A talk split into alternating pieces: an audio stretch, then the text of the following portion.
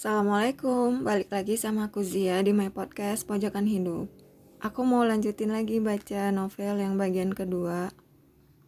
Cuman kayaknya ya setelah aku dengerin hasil rekaman aku sendiri, aku nggak tahu setiap dengerin hasil rekaman aku tuh nggak bisa sampai habis gitu loh. Soalnya di pertengahan itu aku tiba-tiba ketiduran gitu. Gak tahu lucu aja.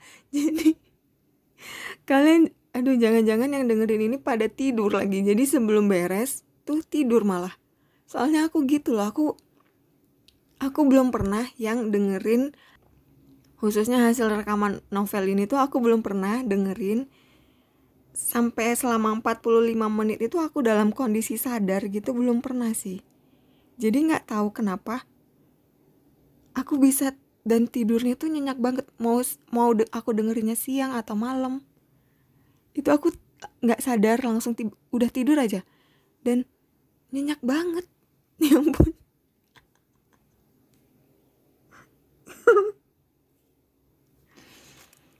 Ternyata efek dengerin baca novel tuh kayak gitu ya.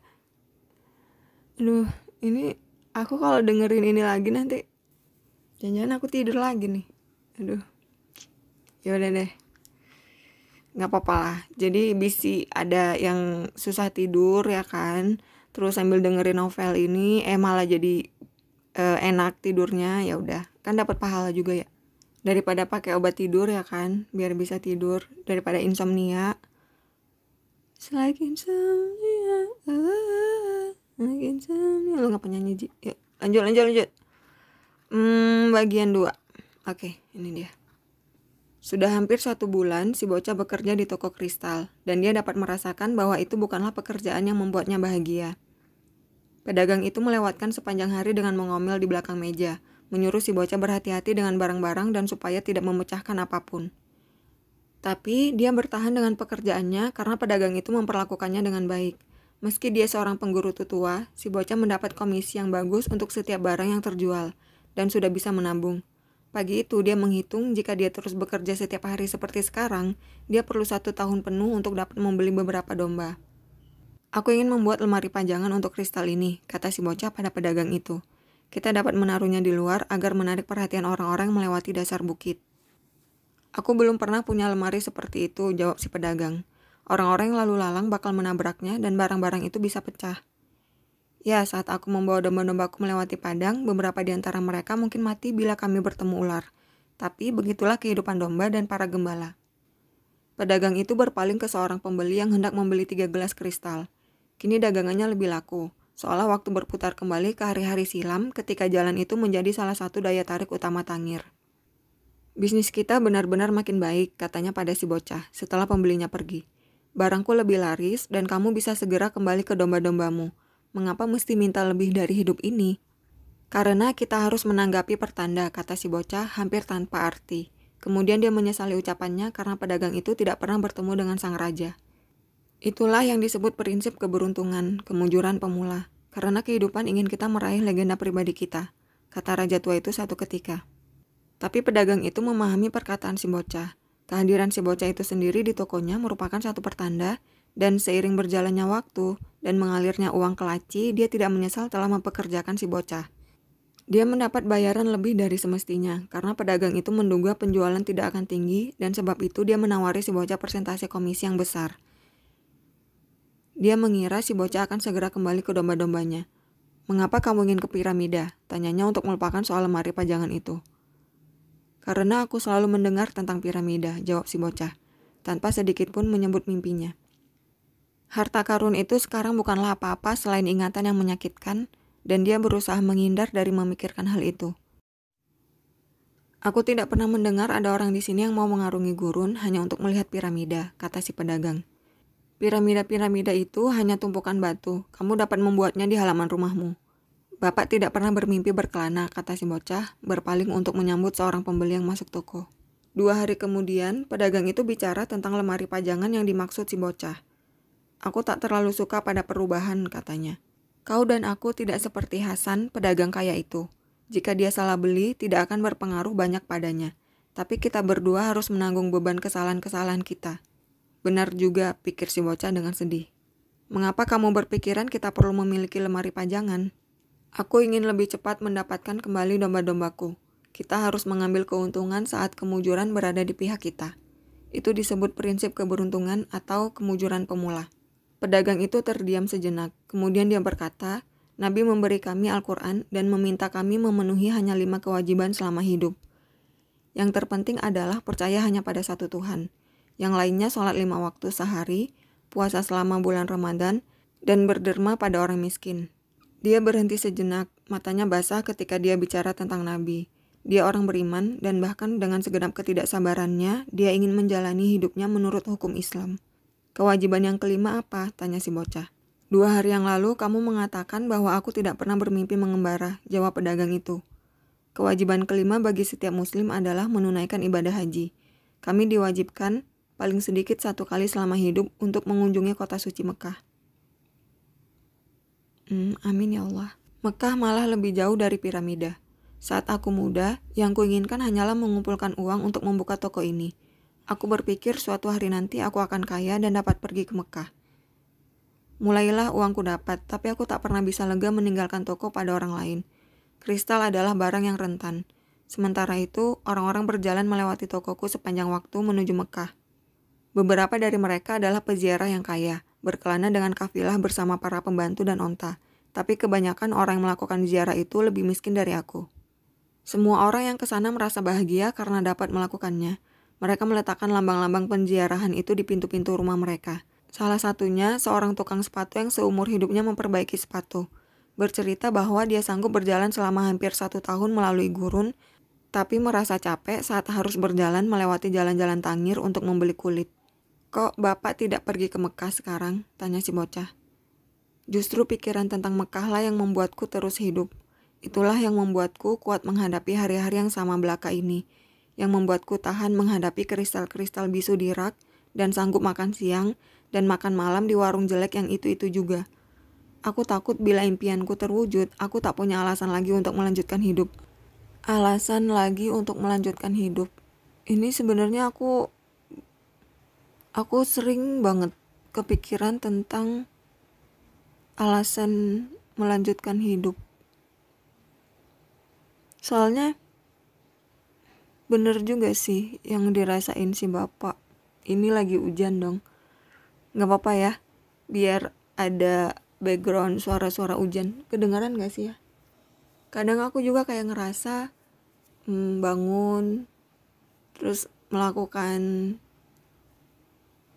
aktivitas ya bisa dibilang yang itu itu aja. Tapi aku ini sih kayak hmm, enggak enggak yang di titik yang aku bingung nih aku hidup harus ngapain? Enggak sih soalnya kan ya tiap hari kan harus kayak ini ya masya allah tuh kayak bangun subuh terus subuh kan ke zuhur tuh. Nunggu zuhur dari zuhur nunggu asar dari asar nunggu maghrib dari maghrib nunggu isya terus isya. Habis isya terus kayak tidur bangun subuh lagi. Hmm, aku pribadi tuh masya allahnya ya. Kayak lima lima waktu ini tuh kayak ngecharge gitu loh. Kayak ngecas ngecharge. Soalnya karena aktivitas yang gitu-gitu aja aku kayak kan ngajar. Sekarang kan online. Ya udah ngajar online. Uh, terus kayak ngajarin yang ya itu lagi itu lagi. Ya walaupun aku masih dua tahun ngajar ya tetap aja kan yang udah aku ajarin itu ya ya itu yang aku ajarin lagi cuman orangnya aja yang beda gitu kan. Hmm, nah jadi kayak setiap aktivitas yang itu itu aja diselingin sama sholat lima waktu ini tuh kayak uh, masya allahnya ya ya di situ sih. Baru kerasa hidupnya justru. Justru baru kerasa hidupnya tuh ya pas pas dari pas sholatnya itu gitu. Kayak ngecas gitu.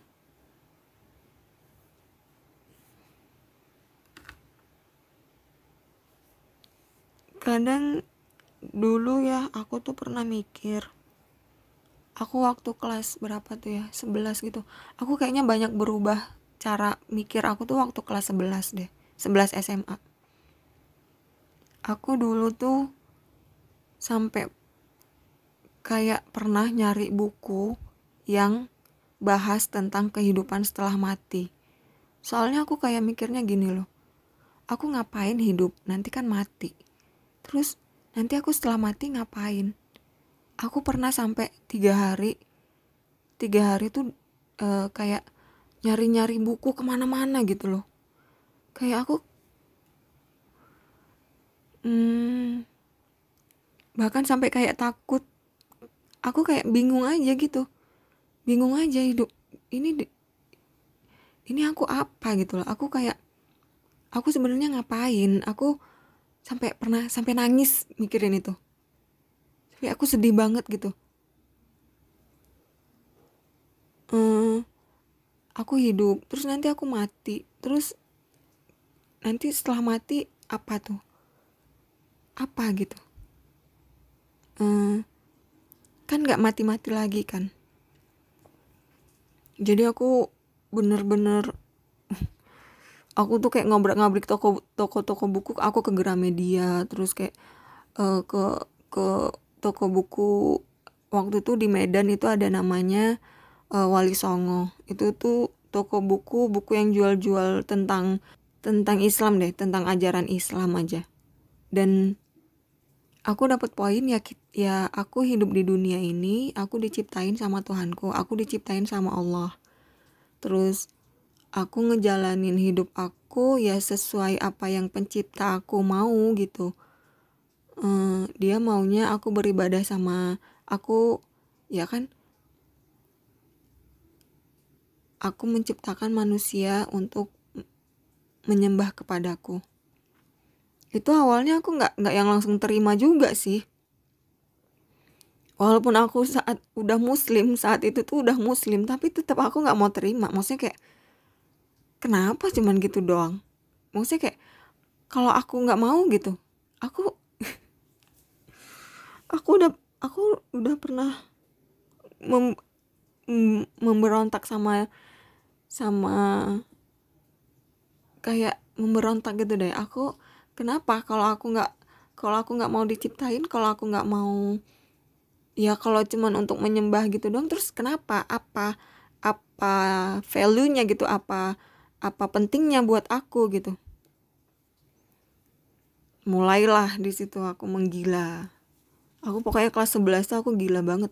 Kayak nyari hidup aku bener-bener bener-bener walaupun aku udah muslim aku mempertanyakan Islam juga gitu kenapa?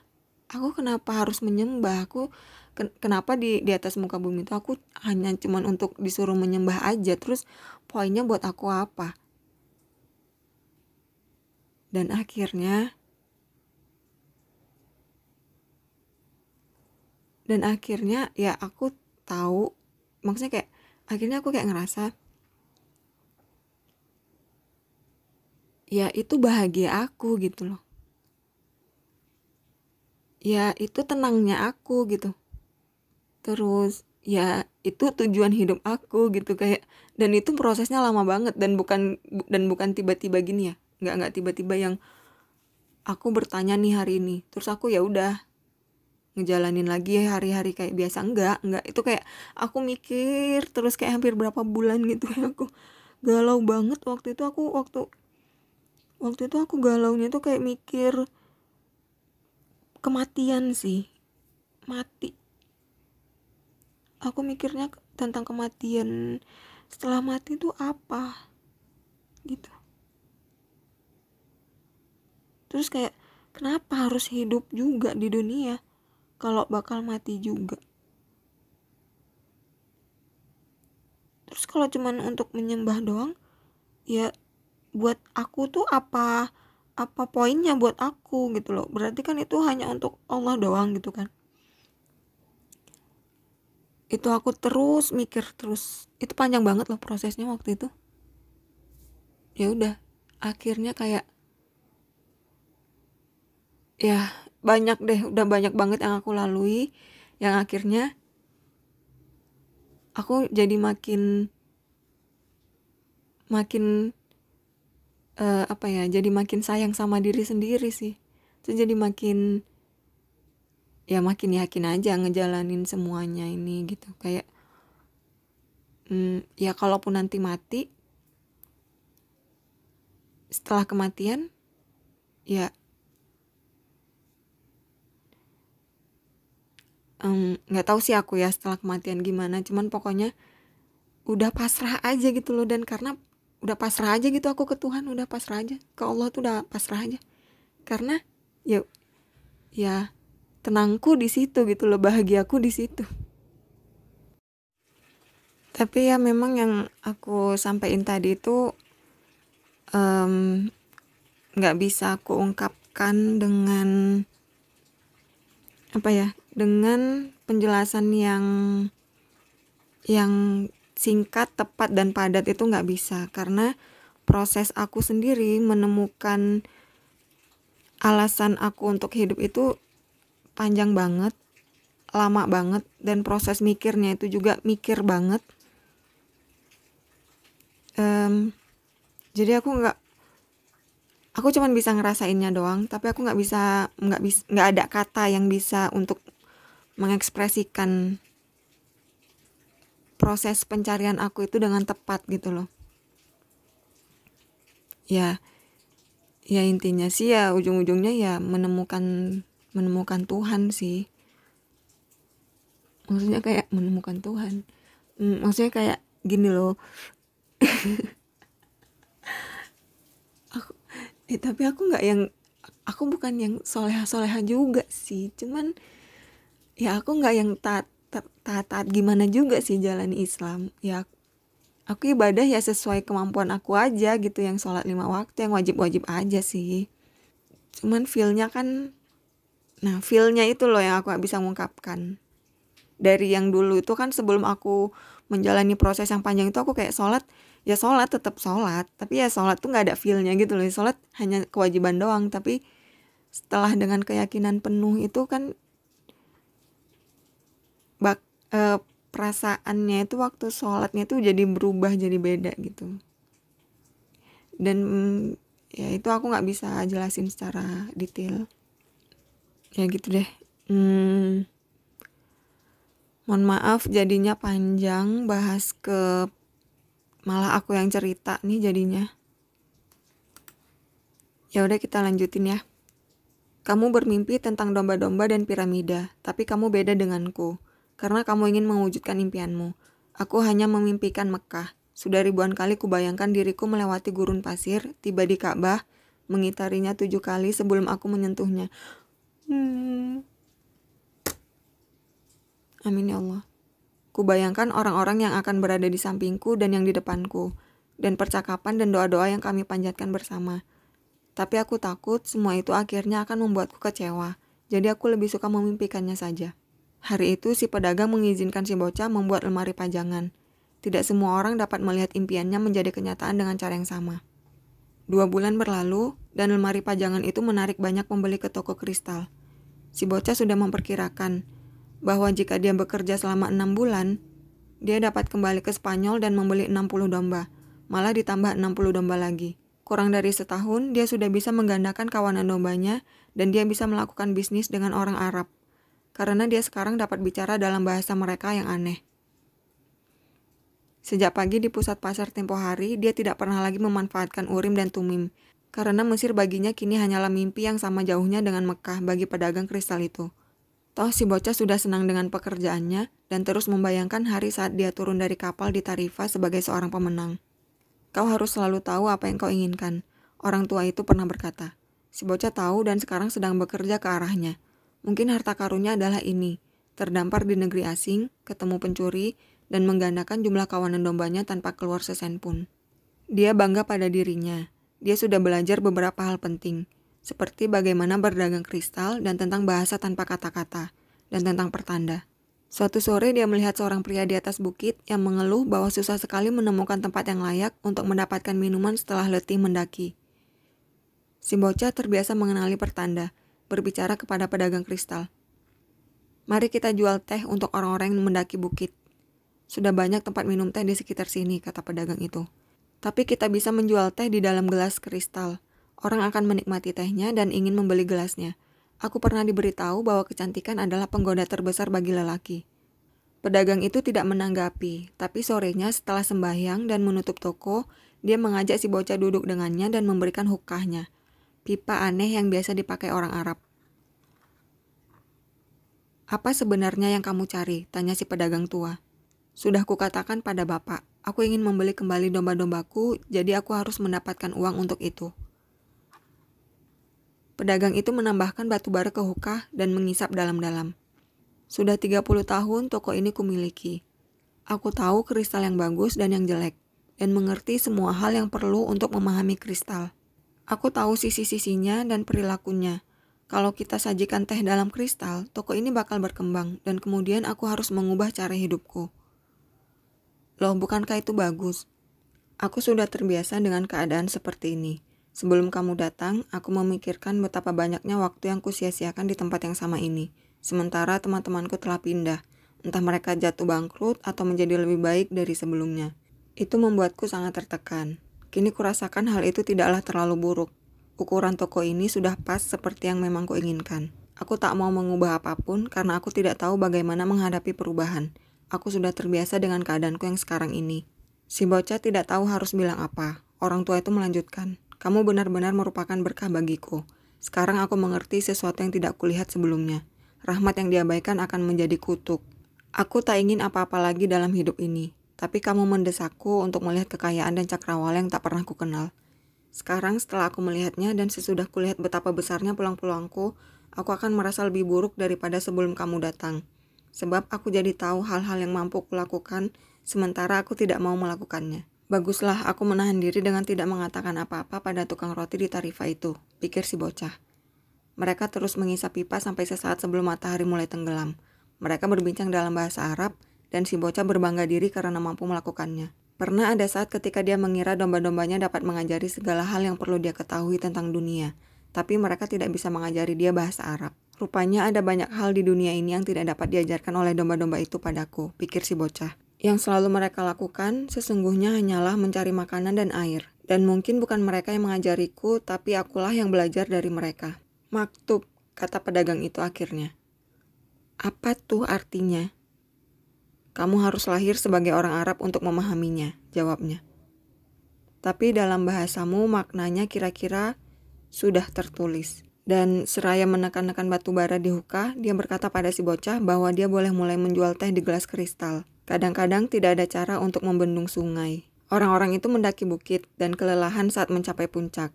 Tapi di sana mereka melihat sebuah toko kristal yang menawarkan teh rasa jahe yang menyegarkan. Mereka masuk untuk minum teh itu yang disajikan dalam gelas-gelas kristal yang indah. Istriku tidak pernah berpikir tentang hal ini, kata seseorang.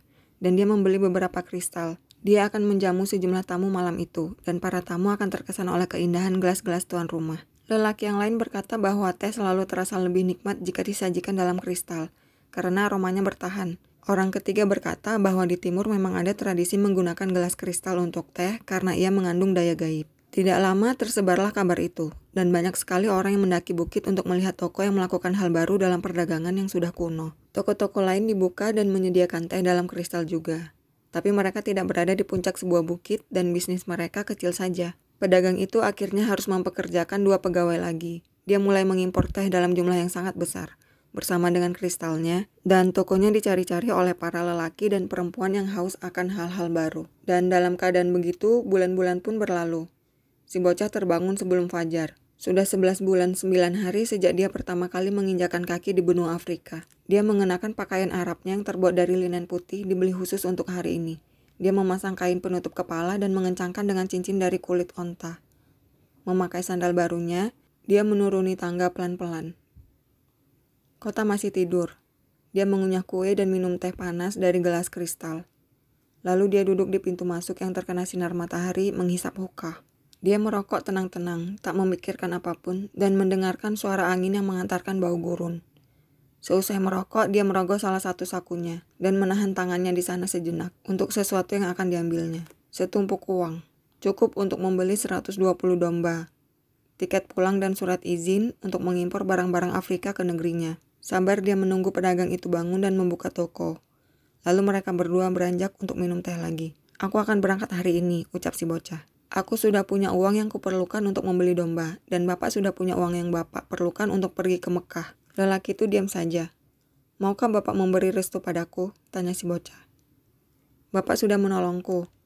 Lelaki itu terus menyiapkan tehnya tanpa mengatakan apa pun. Kemudian dia berpaling pada si bocah. Aku bangga padamu, katanya. Kamu membawakan suasana baru ke dalam toko kristalku. Tapi kamu tahu bahwa aku tidak akan pergi ke Mekah, seperti kamu tahu bahwa kamu tidak akan membeli domba. Dari mana Bapak tahu? Tanya si bocah kaget. Maktub, kata pedagang kristal tua itu. Dan dia memberi restunya pada si bocah. Si bocah pergi ke kamarnya dan mengemas barang-barangnya. Tiga karung banyaknya. Saat dia hendak pergi, dia melihat di pojok ruangan kantong gembala lusuhnya. Kantong itu terikat dan sudah lama dia hampir tak pernah memikirkannya lagi. Ketika dia mengeluarkan jaketnya dari kantong itu, berniat untuk memberikannya pada seseorang di jalan, dua butir batu jatuh ke lantai. Urim dan Tumim. Itu membuat si bocah berpikir tentang si raja tua, dan mengejutkannya karena sadar telah begitu lama waktu berlalu sejak terakhir kali dia memikirkan raja itu. Selama hampir setahun ini dia bekerja tanpa henti, hanya berpikir untuk menabung uang supaya bisa pulang ke Spanyol dengan bangga. Jangan pernah berhenti bermimpi. Raja tua itu pernah berkata, ikutilah pertanda. Si bocah mengambil Urim dan Tumim, dan sekali lagi mengidap perasaan yang aneh bahwa Raja Tua itu berada di dekatnya. Dia telah bekerja keras selama satu tahun, dan pertandanya mengisyaratkan itulah saatnya untuk pergi. Aku akan kembali ke pekerjaanku yang dulu, pikir si bocah. Meski domba-domba itu tidak mengajariku bahasa Arab, tapi domba-domba itu mengajarinya sesuatu yang lebih penting, bahwa ada bahasa di dunia yang dimengerti setiap orang. Bahasa yang digunakan si bocah sepanjang waktu saat dia mencoba mengembangkan hal-hal baru di toko kristal itu. Itulah bahasa gairah, menyangkut hal-hal yang dicapai dengan rasa cinta dan niat, dan sebagai bagian dari ikhtiar mencari sesuatu yang diyakini dan diinginkan. Tangir bukan lagi kota asing, dan dia merasa bahwa sebagaimana dia menaklukkan tempat ini, dia sanggup menaklukkan dunia. Jika kamu menginginkan sesuatu, segenap alam semesta akan membantumu mencapainya, kata raja tua itu. Tapi sang raja tua tidak bilang apa-apa tentang dirampok atau tentang gurun pasir yang menghampar tak terbatas, atau tentang orang-orang yang tahu impian-impian mereka tapi tidak mau mewujudkannya. Raja tua itu tidak mengatakan padanya bahwa piramida hanyalah tumpukan batu, atau bahwa setiap orang dapat membuatnya di halaman rumahnya. Dan dia lupa menyebut bahwa kalau kita punya uang yang cukup untuk membeli kawanan domba yang lebih besar daripada yang pernah kita miliki, maka kita perlu membelinya. Si bocah mengambil kantongnya dan memasukkannya bersama dengan barang-barangnya yang lain. Dia menuruni tangga dan mendapati pedagang itu sedang melayani sepasang orang asing. Sementara dua pembeli lainnya berjalan menghampiri toko, ingin minum teh dari gelas-gelas kristal. Pagi ini lebih ramai daripada biasanya. Dari tempatnya berdiri, untuk pertama kalinya dia melihat rambut pedagang tua itu sangat mirip dengan rambut sang raja tua. Dia teringat senyum penjual manisan di hari pertamanya di Tangir, saat dia tidak punya apa-apa untuk dimakan dan tak tahu mau ke mana. Senyum itu juga seperti senyum sang raja tua. Sepertinya dia pernah ke sini dan meninggalkan tandanya, pikirnya. Toh tak satu pun di antara orang-orang ini pernah bertemu dengan raja tua itu. Padahal dia bilang bahwa dia selalu muncul untuk membantu orang-orang yang berusaha mewujudkan legenda pribadi mereka. Dia pergi tanpa mengucapkan selamat tinggal pada si pedagang kristal. Dia akan merindukan tempat ini dan semua hal baik yang pernah dialaminya di sana. Namun dia kini lebih percaya diri dan merasa seakan sanggup menaklukkan dunia. Aku akan kembali ke ladang-ladang yang kukenal untuk memelihara ternakku lagi. Dia berkata pada dirinya dengan sepenuh keyakinan.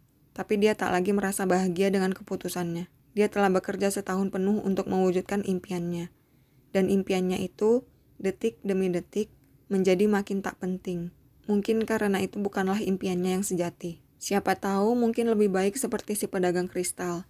Tak pernah pergi ke Mekah dan hanya menjalani hidupnya dengan menginginkan hal itu, pikirnya. Sekali lagi mencoba meyakinkan dirinya. Tapi saat dia memegang Urim dan Tumim, mereka mengirimkan kekuatan dan keinginan sang raja tua. Secara kebetulan, atau mungkin ini adalah pertanda, pikir si bocah. Dia mampir ke kedai yang pernah dia masuki di hari pertamanya di Tangir. Pencuri itu tidak ada, dan pemilik kedai membawakan teh untuknya. Aku selalu dapat kembali menjadi gembala, pikir si bocah. Aku sudah tahu cara merawat domba, dan aku belum lupa bagaimana melakukannya. Tapi mungkin aku tak akan pernah lagi mendapat kesempatan untuk pergi ke piramida di Mesir. Orang tua itu memakai piringan dada dari emas dan dia tahu tentang masa laluku. Dia benar-benar seorang raja, raja yang bijak. Bukit-bukit Andalusia hanya berjarak dua jam perjalanan. Sementara ada gunung luas membentang antara dia dan piramida. Toh si bocah merasa ada cara lain untuk melihat situasi dirinya. Sebenarnya dia hanya berjarak dua jam dari harta karunnya. Kenyataan bahwa dua jam itu telah merentang menjadi setahun penuh bukanlah masalah. Aku tahu mengapa aku ingin kembali kepada kawanan dombaku, pikirnya. Aku memahami domba-domba. Mereka bukan lagi merupakan masalah, dan mereka bisa menjadi sahabat. Sementara aku tidak tahu apakah gurun dapat menjadi teman. Padahal di gurun itulah aku harus mencari harta karunku. Tapi bila aku tidak mendapatkannya, aku selalu bisa pulang. Toh aku sekarang punya cukup uang dan seluruh waktu yang kuperlukan. Jadi mengapa tidak dicoba? Tiba-tiba dia merasa sangat bahagia. Dia selalu dapat kembali menjadi gembala. Dia selalu bisa menjadi penjual kristal lagi. Mungkin dunia punya harta-harta terpendam lainnya, tapi dia punya satu impian, dan dia telah bertemu dengan seorang raja. Ini tidak terjadi pada setiap orang. Dia menyusun rencana saat dia meninggalkan kedai. Dia ingat salah satu dari pemasok toko itu mengangkut kristal dengan karavan yang melintasi gurun. Dia menggenggam urim dan tumim, karena dua batu itulah dia sekali lagi berada di jalan menuju harta karunnya. Aku selalu berada di tempat yang dekat saat seseorang ingin mewujudkan legenda pribadinya. Raja tua itu pernah berkata kepadanya, Bagaimana kalau dia mendatangi gedung pemasok kristal dan mencari tahu apakah piramida memang sejauh itu? Lelaki Inggris itu duduk di bangku panjang di satu bangunan yang berbau binatang, keringat dan debu. Bangunan ini separuh gudang, separuh kandang. Aku tak pernah berpikiran akan berakhir di tempat seperti ini, pikirnya, sembari membalik-balik halaman sebuah jurnal kimia. Setelah 10 tahun di universitas, di kandang ternak inilah diriku sekarang. Tapi dia harus terus, dia percaya akan pertanda. Sepanjang hidupnya dan segenap penelitiannya ditujukan untuk mencari satu bahasa sejati di alam semesta. Pertama-tama dia mempelajari bahasa Esperanto, lalu agama-agama besar, dan kini dia menekuni alkemi, kimia. Dia mampu berbahasa Esperanto, dia sangat paham semua agama besar. Tapi dia belum juga menjadi ahli kimia, menjadi alkemis. Dia telah mengungkap kebenaran di balik pertanyaan-pertanyaan penting. Tapi kajian-kajiannya telah membawanya ke titik jauh yang tampaknya tak sanggup dicapainya. Dia telah berupaya mati-matian untuk membina hubungan dengan seorang alkemis. Tapi para alkemis adalah orang-orang aneh yang hanya memikirkan diri sendiri dan hampir selalu menolak membantunya. Siapa tahu mereka telah gagal mengungkap rahasia karya agung, batu filsuf, dan karena alasan inilah mereka tak mau memaparkan pengetahuan mereka. Dia telah mengeluarkan banyak harta warisan ayahnya mencari dengan sia-sia batu filsuf itu. Dia telah menghabiskan begitu banyak waktu di perpustakaan-perpustakaan besar dunia dan telah membeli semua buku langka dan terpenting tentang alkemi. Di satu buku dia membaca bahwa dulu ada alkemis termasyur Arab yang mengunjungi Eropa. Dikatakan bahwa umurnya lebih dari 200 tahun dan bahwa dia telah menemukan batu filsuf dan obat hidup. Lelaki Inggris itu amat terkesan dengan kisah tadi. Tapi dia tak pernah mengira bahwa cerita itu bukan sekadar dongeng, Bila seorang temannya sekembali dari ekspedisi arkeologi di gurun tidak memberitahu dia tentang seorang Arab yang memiliki kekuatan-kekuatan yang menakjubkan. Dia tinggal di oasis Al-Fayum, tutur temannya itu. Dan orang-orang bilang umurnya 200 tahun dan bisa mengubah logam apa pun menjadi emas. Orang Inggris itu tak sanggup membendung gairahnya. Dia menunda semua janjinya dan mengumpulkan semua bukunya yang terpenting.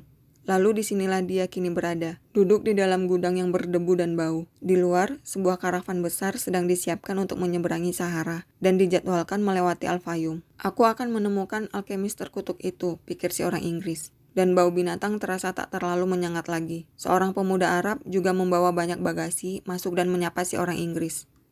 Kamu mau ke mana? Tanya pemuda Arab itu. Aku mau ke gurun, jawabnya kembali ke bacaannya. Saat ini dia tidak ingin bercakap-cakap.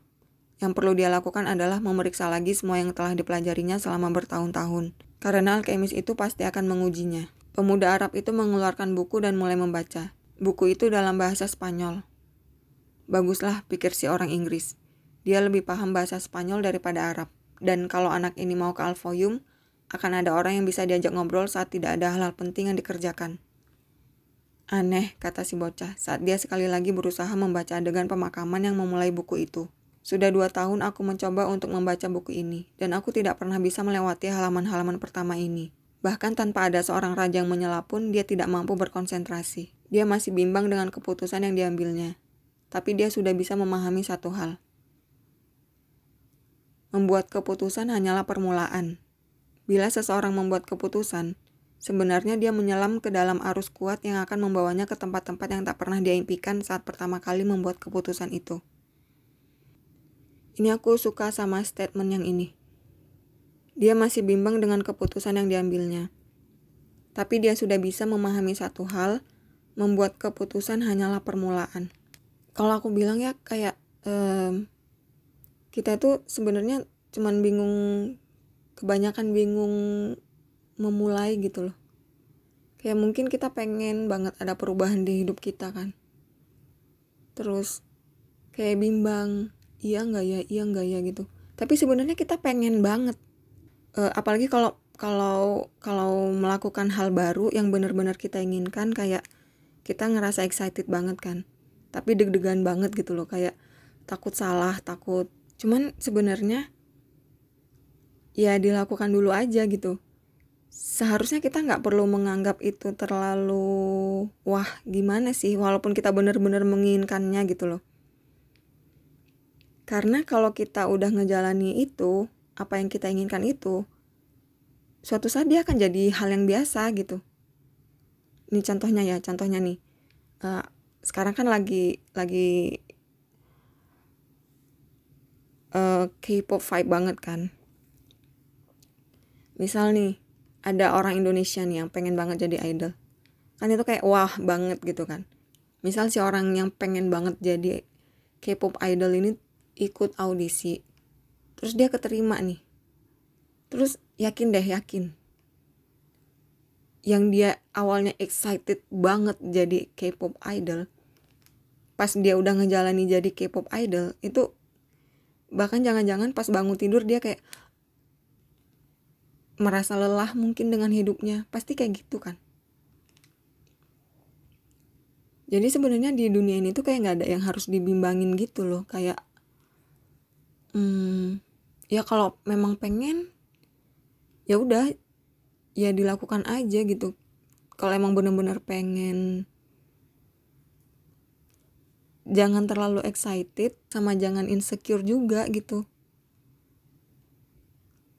hmm, kayak ya udah biasa aja gitu loh. Kayak menurut aku sih ngelihat melihat semua hal itu ya santai we gitu. Hmm, karena yakin lah. Yang mungkin yang sekarang kita anggap itu terlalu wah. Kalau kita udah ada di dalamnya yakinlah pasti akan ada jenuhnya juga. Jadi ya mendingan dinikmati aja semuanya jadi kalau kita pengen sesuatu pengen banget ya dijalani dan setiap step-stepnya itu ya dinikmati. Kalau misalnya gagal ya dinikmati aja. Kegagalan juga kan sebenarnya kan proses kan. Ya udah dinikmati aja semua prosesnya. Kayak waktunya gagal ya gagal. Waktunya berhasil berhasil waktunya kita mungkin ada titik jenuhnya ya ya udah lagi jenuh. Ya nggak masalah gitu. Tapi ya dinikmati aja semuanya. Bijaksana banget ya. Waktu aku memutuskan untuk mencari harta karunku pikirnya aku tak pernah membayangkan bakal berakhir dengan bekerja di sebuah toko kristal. Dan bergabung dengan karavan ini mungkin merupakan keputusanku tapi ke mana karavan ini akan menuju masih merupakan misteri bagiku. Di dekatnya ada lelaki Inggris membaca buku. Kelihatannya dia tidak ramah dan tampak terganggu saat si bocah masuk. Mereka mungkin bisa menjadi teman, tapi orang Inggris itu menutup pintu percakapan. Si bocah menutup bukunya. Dia merasa enggan melakukan apa yang membuatnya akan tampak seperti orang Inggris itu. Dia mengambil urim dan tumim dari sakunya dan mulai bermain dengan mereka. Orang asing itu berteriak, "Urim dan tumim!" Secepat kilat si bocah memasukkan keduanya kembali ke sakunya. Batu-batu ini tidak dijual, katanya. Mereka tidak terlalu berharga, jawab lelaki Inggris itu. Mereka hanya terbuat dari batu kristal, dan ada jutaan batu kristal di bumi. Tapi orang-orang yang paham hal-hal semacam ini pastilah tahu bahwa batu-batu itu adalah urim dan tumim. Aku tak menyangka batu-batu itu ada di wilayah ini. Aku mendapatkannya sebagai hadiah dari seorang raja, kata si bocah. Orang asing itu tidak menyahut. Dia cuma memasukkan tangannya ke kantongnya dan mengeluarkan dua batu yang sama seperti milik si bocah. Kamu tadi menyebut-nyebut raja, tanyanya. Mungkin kamu tidak percaya ada raja yang mau bicara dengan orang seperti aku, seorang gembala. Katanya ingin mengakhiri percakapan. Sama sekali tidak. Para gembalalah yang pertama kali mengakui seorang raja ketika seluruh dunia tak mau mengakui. Jadi tidak mengherankan kalau raja-raja mau bicara dengan para gembala. Dan dia meneruskan, khawatir si bocah tidak memahami ucapannya. Itu ada di Alkitab, buku yang sama yang mengajariku tentang Urim dan Tumim. Batu-batu ini merupakan satu-satunya bentuk keilahian yang diizinkan oleh Tuhan. Para imam membawa mereka dalam piringan emas penutup dada. Si bocah tiba-tiba merasa gembira berada di gudang itu. Barangkali ini adalah sebuah pertanda, kata orang Inggris setengah berteriak. Siapa yang memberitahumu tentang pertanda? Keingintahuan si bocah meningkat sejak itu. Segala sesuatu di dunia adalah pertanda, kata orang Inggris, sekarang menutup jurnal yang sedang dibacanya. Ada bahasa universal dimengerti oleh setiap orang, tapi sudah dilupakan. Aku sedang mencari bahasa universal itu. Itulah sebabnya aku di sini. Aku harus mencari orang yang tahu tentang bahasa universal itu. Seorang alkemis, ahli kimia. Percakapan mereka tersela oleh pemilik gudang. Kalian beruntung, kamu berdua, kata orang Arab gemuk itu. Ada karavan yang berangkat ke Alfoyum hari ini. Tapi aku mau ke Mesir, kata si bocah. Alfoyum itu di Mesir, kata orang Arab itu. Orang Arab macam apa kau ini? Itu pertanda baik, kata si orang Inggris. Setelah orang Arab gemuk itu pergi. Kalau bisa, aku ingin menulis ensiklopedia yang sangat besar hanya tentang kata keberuntungan dan kebetulan. Dengan kata-kata itulah bahasa universal ditulis. Dia berkata pada si bocah bahwa bukanlah kebetulan dia bertemu dengannya, dengan urim dan tumim di tangannya. Dan dia menanyakan si bocah apakah dia pun sedang mencari alkemis itu. Aku sedang mencari harta karun, kata si bocah, dan segera menyesal telah mengungkapkannya. Tapi lelaki Inggris itu tampak tak terlalu menaruh perhatian. Dalam satu hal, aku juga, katanya. Aku bahkan tidak tahu apa itu alkemi, kata si bocah, ketika pemilik gudang memanggil mereka keluar. Aku pemimpin kafilah ini, kata lelaki berewakan bermata gelap itu. Aku memegang kendali atas hidup dan mati setiap orang yang bersamaku. Gurun pasir itu seperti perempuan yang tak terduga, dan kadang ia membuat lelaki gila. Ada hampir 200 orang berkumpul di sana dan 400 hewan, onta, kuda, keledai, dan unggas. Dalam kerumunan ada perempuan, anak-anak, dan sejumlah lelaki dengan pedang di pinggang dan senapang di bahu mereka. Orang Inggris itu membawa beberapa koper penuh buku. Suasananya bising sehingga sang pemimpin harus mengulang perkataannya beberapa kali supaya setiap orang mengerti. Ada berbagai macam orang, dan setiap orang mempunyai tuannya masing-masing tapi Tuhan yang kusembah adalah Allah. Dan dengan namanya aku bersumpah akan sekali lagi melakukan segala yang mungkin untuk mengalahkan gurun. Tapi aku ingin setiap orang dari kalian semua berjanji kepada Tuhan yang kalian percayai bahwa kalian akan mengikuti apa pun yang kuperintahkan. Di gurun, pembangkangan berarti kematian. Terdengar gumaman di kerumunan itu. Setiap orang berjanji dalam diam kepada Tuhan mereka masing-masing. Si bocah berjanji kepada Yesus Kristus. Orang Inggris itu tidak mengatakan apa pun. Dan gumam-gumam itu berlangsung lebih lama daripada sekadar sumpah. Orang-orang juga memanjatkan doa minta perlindungan. Nada panjang terdengar dari trompet dan semua orang bergegas. Si bocah dan orang Inggris telah membeli onta, dan dengan ragu-ragu menaiki punggungnya. Si bocah merasa kasihan pada onta orang Inggris itu karena harus membawa banyak koper buku. Tak ada hal yang kebetulan, kata si orang Inggris menyambung percakapan yang terputus di gudang tadi. Aku ke sini karena seorang kawanku mendengar tentang seorang Arab yang... Tapi karavan mulai bergerak dan tak mungkinlah mendengar apa yang dikatakan lelaki Inggris itu. Namun si bocah tahu apa yang hendak dia ungkapkan. Rantai misterius yang menghubungkan satu hal dengan hal lain. Rantai serupa yang menyebabkan dia menjadi gembala. Yang menyebabkan mimpinya berulang. Yang membawanya ke sebuah toko di dekat Afrika, bertemu dengan seorang raja, dan dirampok hanya untuk bertemu dengan seorang pedagang kristal dan Semakin dekat seseorang ke pewujudan legenda pribadinya, semakin besar legenda pribadinya menjadi alasan utamanya untuk hidup, pikir si bocah. Karavan bergerak ke arah timur. Karavan itu berjalan lagi, berhenti saat matahari sedang terik-teriknya, dan melanjutkan perjalanan sore hari. Si bocah bicara sebentar dengan orang Inggris, yang menghabiskan sebagian besar waktu dengan buku-bukunya. Si bocah diam-diam mengamati progres hewan dan orang-orang yang melewati gurun itu. Sekarang semuanya sangat berbeda dari keadaan saat mereka berangkat. Waktu itu ada kebingungan dan teriakan, tangisan anak-anak dan lenguh hewan-hewan. Semuanya bercampur dengan perintah-perintah gugup para pemandu dan pedagang. Tapi di gurun yang terdengar hanya suara angin yang tak henti dan irama kaki hewan-hewan. Bahkan para pemandu hanya bicara sepatah dua kata antara sesamanya. Aku sering menapaki pasir ini, kata salah seorang penunggang onta suatu malam. Tapi gurun ini begitu luas dan kaki langit begitu jauh, sehingga membuat orang merasa kecil dan seakan dia harus tetap diam. Si bocah mengerti secara naluriah apa yang dimaksud, walau dia sebelumnya tak pernah menginjakan kaki di gurun. Setiap dia melihat laut atau api, dia terdiam, terpana oleh kekuatan dasar mereka. Aku telah belajar banyak hal dari domba-domba, dan aku telah belajar banyak hal dari kristal-kristal, pikirnya. Aku dapat pula belajar sesuatu dari gurun. Ia tampak tua dan bijak. Angin tak pernah berhenti, dan si bocah ingat hari ketika dia duduk di benteng di kota Tarifa dengan angin yang sama menerpa wajahnya. Ini mengingatkannya pada Wol dari domba-dombanya. Domba-dombanya yang kini mencari makanan dan air di ladang-ladang Andalusia, seperti selalu yang mereka lakukan. Mereka bukan domba-dombaku lagi, katanya pada dirinya, tanpa kerinduan. Mereka pasti sudah terbiasa dengan gembala baru mereka, dan mungkin sudah melupakanku. Itu bagus. Makhluk seperti domba yang biasa berkelana, paham tentang langkah tanpa jeda. Dia memikirkan putri pedagang kain itu dan yakin dia mungkin sudah menikah mungkin dengan seorang tukang roti, atau dengan gembala yang dapat membaca dan bisa menceritainya kisah-kisah yang memikat. Bagaimanapun, dia bukanlah satu-satunya lelaki. Tapi dia merasa gembira akan pemahaman naluriahnya atas komentar penunggang onta itu. Mungkin dia juga sedang belajar bahasa universal yang berhubungan dengan masa silam dan masa kini setiap orang. Firasat, begitu ibunya biasa menyebutnya. Si bocah mulai mengerti bahwa sebenarnya intuisi adalah penceburan mendadak suatu jiwa ke dalam arus kehidupan universal. Tempat terhubungnya sejarah semua orang, dan kita bisa mengetahui semua hal karena semuanya sudah tertulis di sana. Maktub, ucap si bocah teringat pedagang kristal itu. Gurun adalah hamparan pasir di beberapa tempat dan bebatuan di tempat-tempat lainnya. Jika karavan terhalang oleh batu besar, ia harus mengitarinya. Bila ada daerah bebatuan yang luas, mereka harus melakukan putaran besar.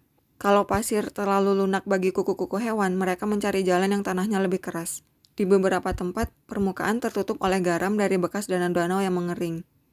Hewan-hewan mogok di tempat-tempat seperti itu, dan para penunggang onta terpaksa turun dan mengurangi beban mereka. Para penunggang itu membawa sendiri barang-barang mereka melalui pijakan-pijakan yang berbahaya, dan kemudian memuati lagi onta-onta itu. Bila seorang pemandu jatuh sakit atau meninggal, para penunggang onta harus mengadakan undian dan memilih pemandu baru. Tapi semua ini terjadi karena satu alasan dasar. Tak peduli berapa banyak jalan putaran dan penyesuaian-penyesuaian yang dibuat, karavan-karavan itu terus berjalan menuju titik kompas yang sama. Begitu rintangan-rintangan teratasi, ia kembali ke jalannya melihat bintang yang menunjuk lokasi oasis. Saat orang melihat bintang itu bersinar di langit pagi, mereka tahu mereka berada di jalur yang benar menuju air. Pohon-pohon palem, tempat berteduh, dan orang-orang lain. Hanya orang Inggris yang tidak menyadari semua ini.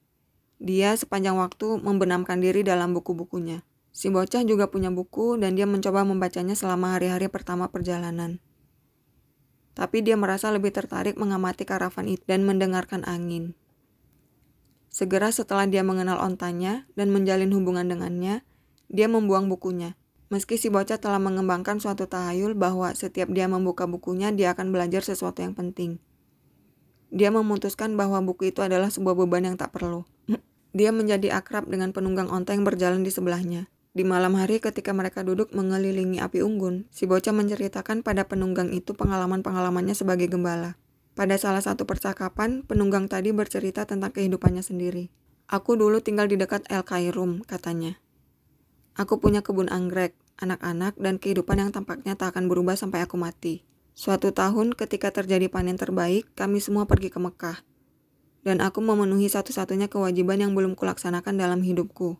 Aku dapat meninggal dengan bahagia, dan hal itu membuatku merasa nyaman. Suatu hari bumi berderak dan Nil meluap. Selama ini kupikir itu hanya dapat terjadi pada orang lain, tak akan pernah pada diriku. Para tetanggaku takut kehilangan pohon-pohon zaitun mereka karena banjir itu dan istriku takut kami kehilangan anak-anak kami. Kurasa semua yang kumiliki akan musnah.